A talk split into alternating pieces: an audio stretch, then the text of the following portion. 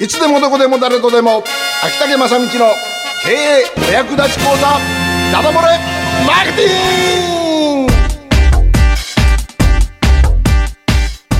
さあ時刻の方は6時を回りましてダダ漏れマーケティングのお時間でございます。はい。はい、ええー経営者事業者、うん。うん必聴。はい。はい。シーズン2でございますシーズン2はい。えーダダ漏れマーケティングシーズンシーズン2ということで、うん。えーコピーライティングのセミナーということになっておりまして、うんうんえー今回が、えー、3回目？そうですかね。3回目ね。えー今回がえっ、とね中身としては3回目、はい。やるのは4回目。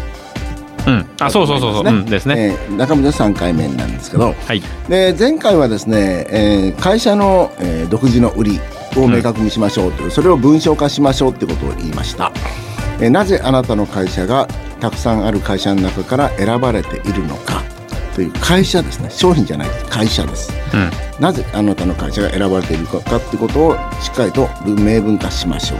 あそれそれを元に明文化しましょうと、えー売り込み文章を作りましょうってことですが、うん。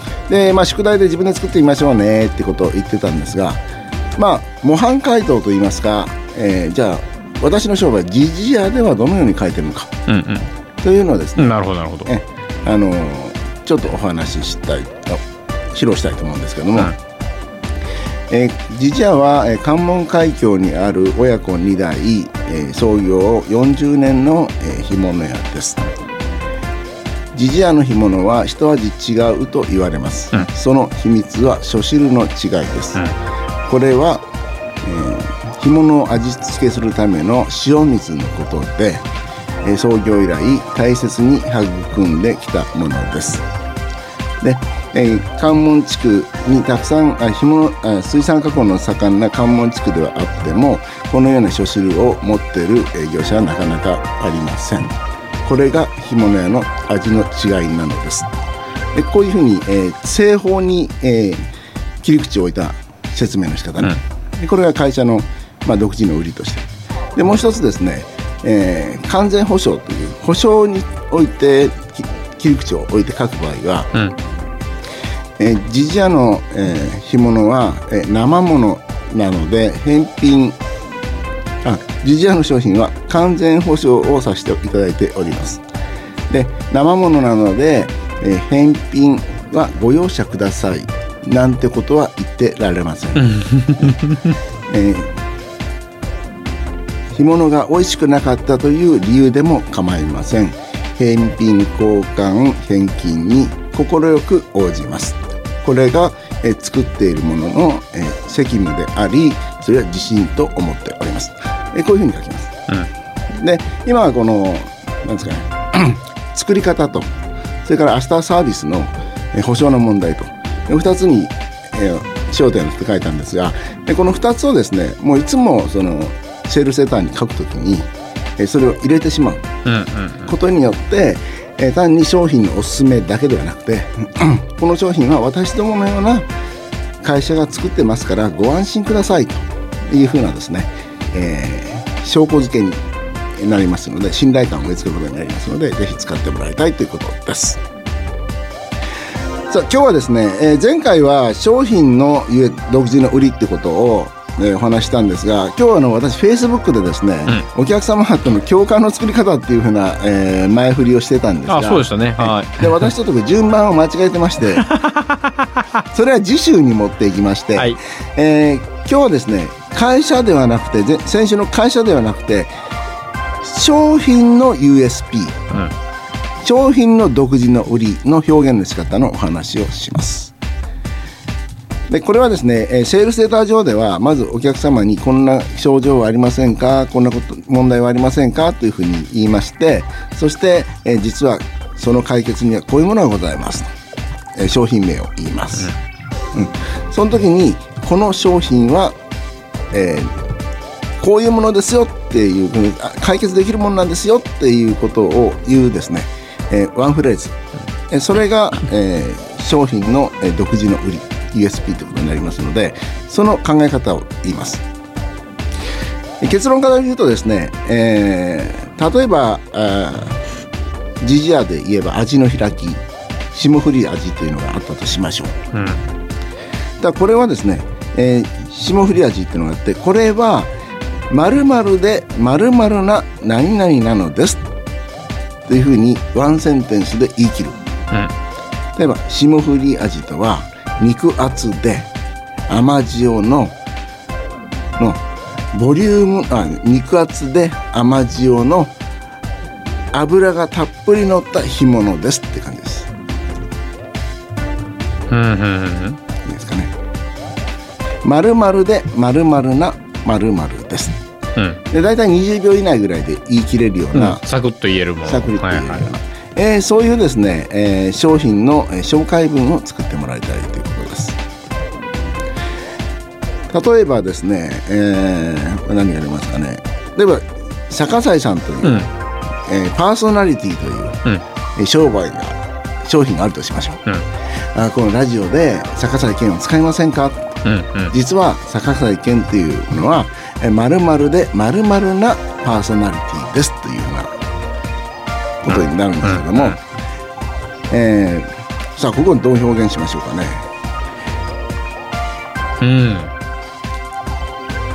難しいですね。いやもうあの、えーコーナーどちらのトークもできる、うんうん。ええ。うん。あとなんだっけ？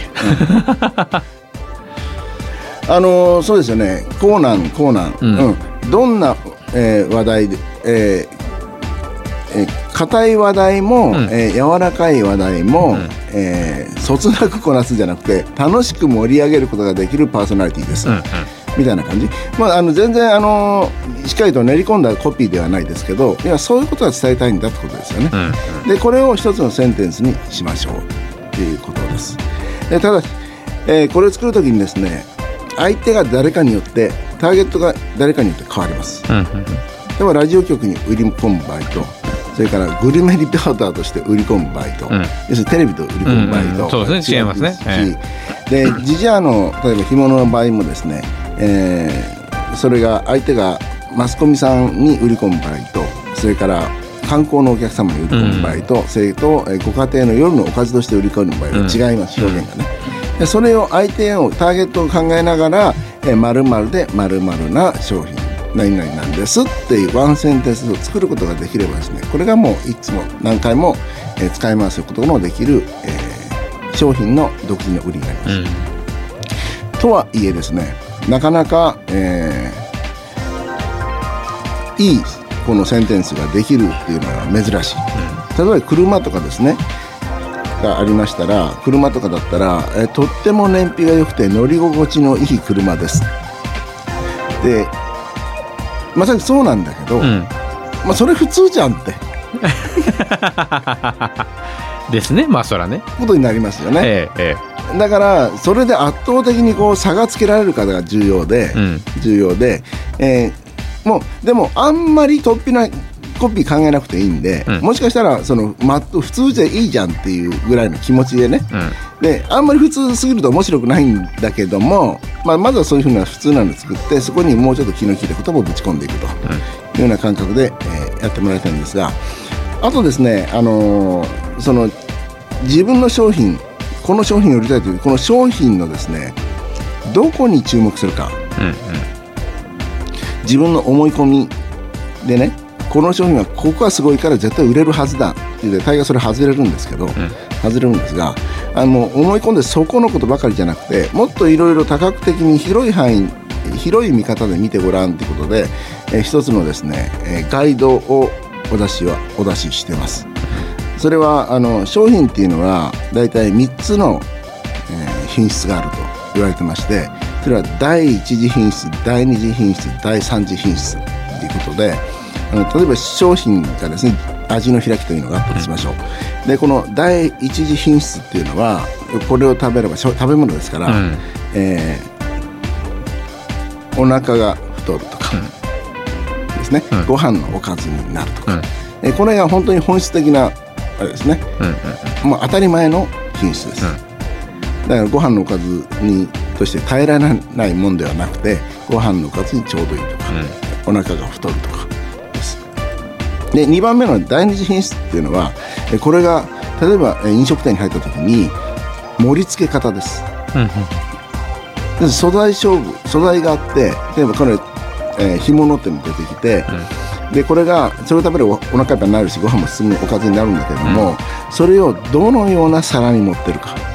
うんなるほど。紙の皿にうん。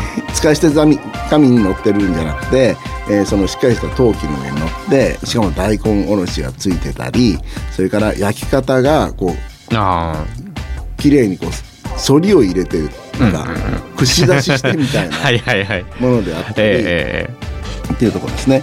あとそこに今度、えーこれはもう本当周りを飾るようなあとブランドとかもそうですね、ええうん。えーどこどこ産のとかどこどこの業者が作ったものとか、えーそういうのが第二次品質になります。うん。であと第三次品質でというのがありましてこれがですね例えば、えーその味の開きは後払いで食べれますとか分割払い OK ですうん。ですね、うん。送料込みですとか、うん。焼いえーあと保証はおまずかったらお金返しますとか、うんそういう保証がついてる、もう本当にそのアジの開きは商品じゃなくてもその周りを囲むサービスですね、でこの辺が第三次サービスっていうことになります。でこのどうしても美味しいのかまずいのかだけじゃなくてまた産地だけじゃなくて、でしっかりした保証がついてるとかついてないとかデリバリー配達してくれるとかしてくれないとか、でこういう第一次第二次第三次でいろんなこう切り口があるんですね。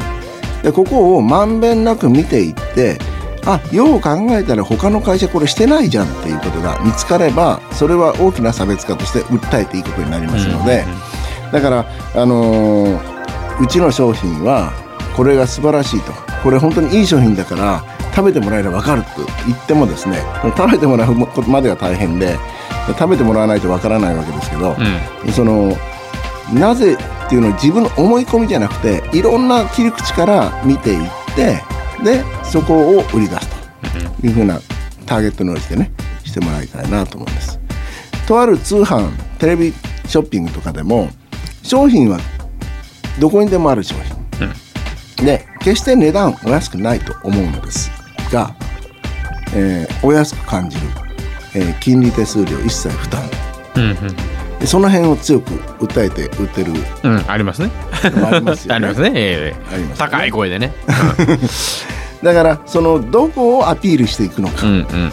ということが、えー大切なのででその上で、えーこの商品は〇〇で〇〇な何々なのですっていうことを一文作ってみてくださいということです。えーということで宿題。うん。あなたの売りたい商品を、えー一つ決めまして、えー誰か誰に売るのか、えー誰に売るのかっていうのはもうほとんどですねあのその人特定個人を想像してみてください。どこどこのばあちゃんの綾子さんとか、うん。田中の何ちゃんとか、えーこの人に買ってもらいたいと思うそこまで想像して、でその上で〇〇で〇〇な〇〇ですというのを作ってみてくださいまあ、えー一つのですね有名な話というか、えー私の、えー大好きなコンサルタントでですね、えー小学4年生が、えー家を売ったということを小学6年生だったかな。小学生の娘がねはい。先生に家を家を買わしたんだと、すっげえセールスマンになっちゃったと娘が、うん。その時の一言が、えーお父さんのお仕事何?」って聞かれた時に「あ安くていい家作ってるの」まずまさしくこれなんですね。うん。はいはいはいはいはいはいでその最後に「先生でも買えるよ」って。あこの一言つけたっていうのがだからあの〇〇で〇〇な商品なんです。あ。はい。でそれを先生でも買えるぐらいのっていう感じで表してる、まあ、こういうのがですね、本当にキレのあるうん。えーコピーだと思いますね。まずは〇〇で〇〇な何々なんですって、うん安くていい店先生でも買える家なんですって話ですよね。うん。っていう風な形で考えてみてください。まあ宿題ってことで。うん。今週は商品の独自の売り USP を文章化してみましょうでした。はい。ということで。まあ今日具体的事例がだいぶ出てきて分かりやすかったですね。非常に。ええ。家売ってみたいですな。ね。なのでそのセリフが言えるっていうのはすごいことですよまあ、あのもちろんだからあれなんですよ。補足すればですねその一つのセンテンスが仮にできたとして、うん。それを売る人の個性っていうのがあって、うん。小学生がそれを言えるから売れるってのもあるじゃない、うん。もうマジにそのあの信頼度っていうか、あの信憑性が高まるっていうか、ですね、うん、でもうこれが一般のサラリーマンそれ言うたらなんでお前がそんなの分かるんかって、ううんちの年収知っとるんかみたいな話になっちゃう可能性もありますから,、うんうん。その人の売り手の個性もねやっぱり考えながらあなたらしい文章を作ればいいんだと思います。はい。ということでございました、今日のダダ漏れマーケティングでございました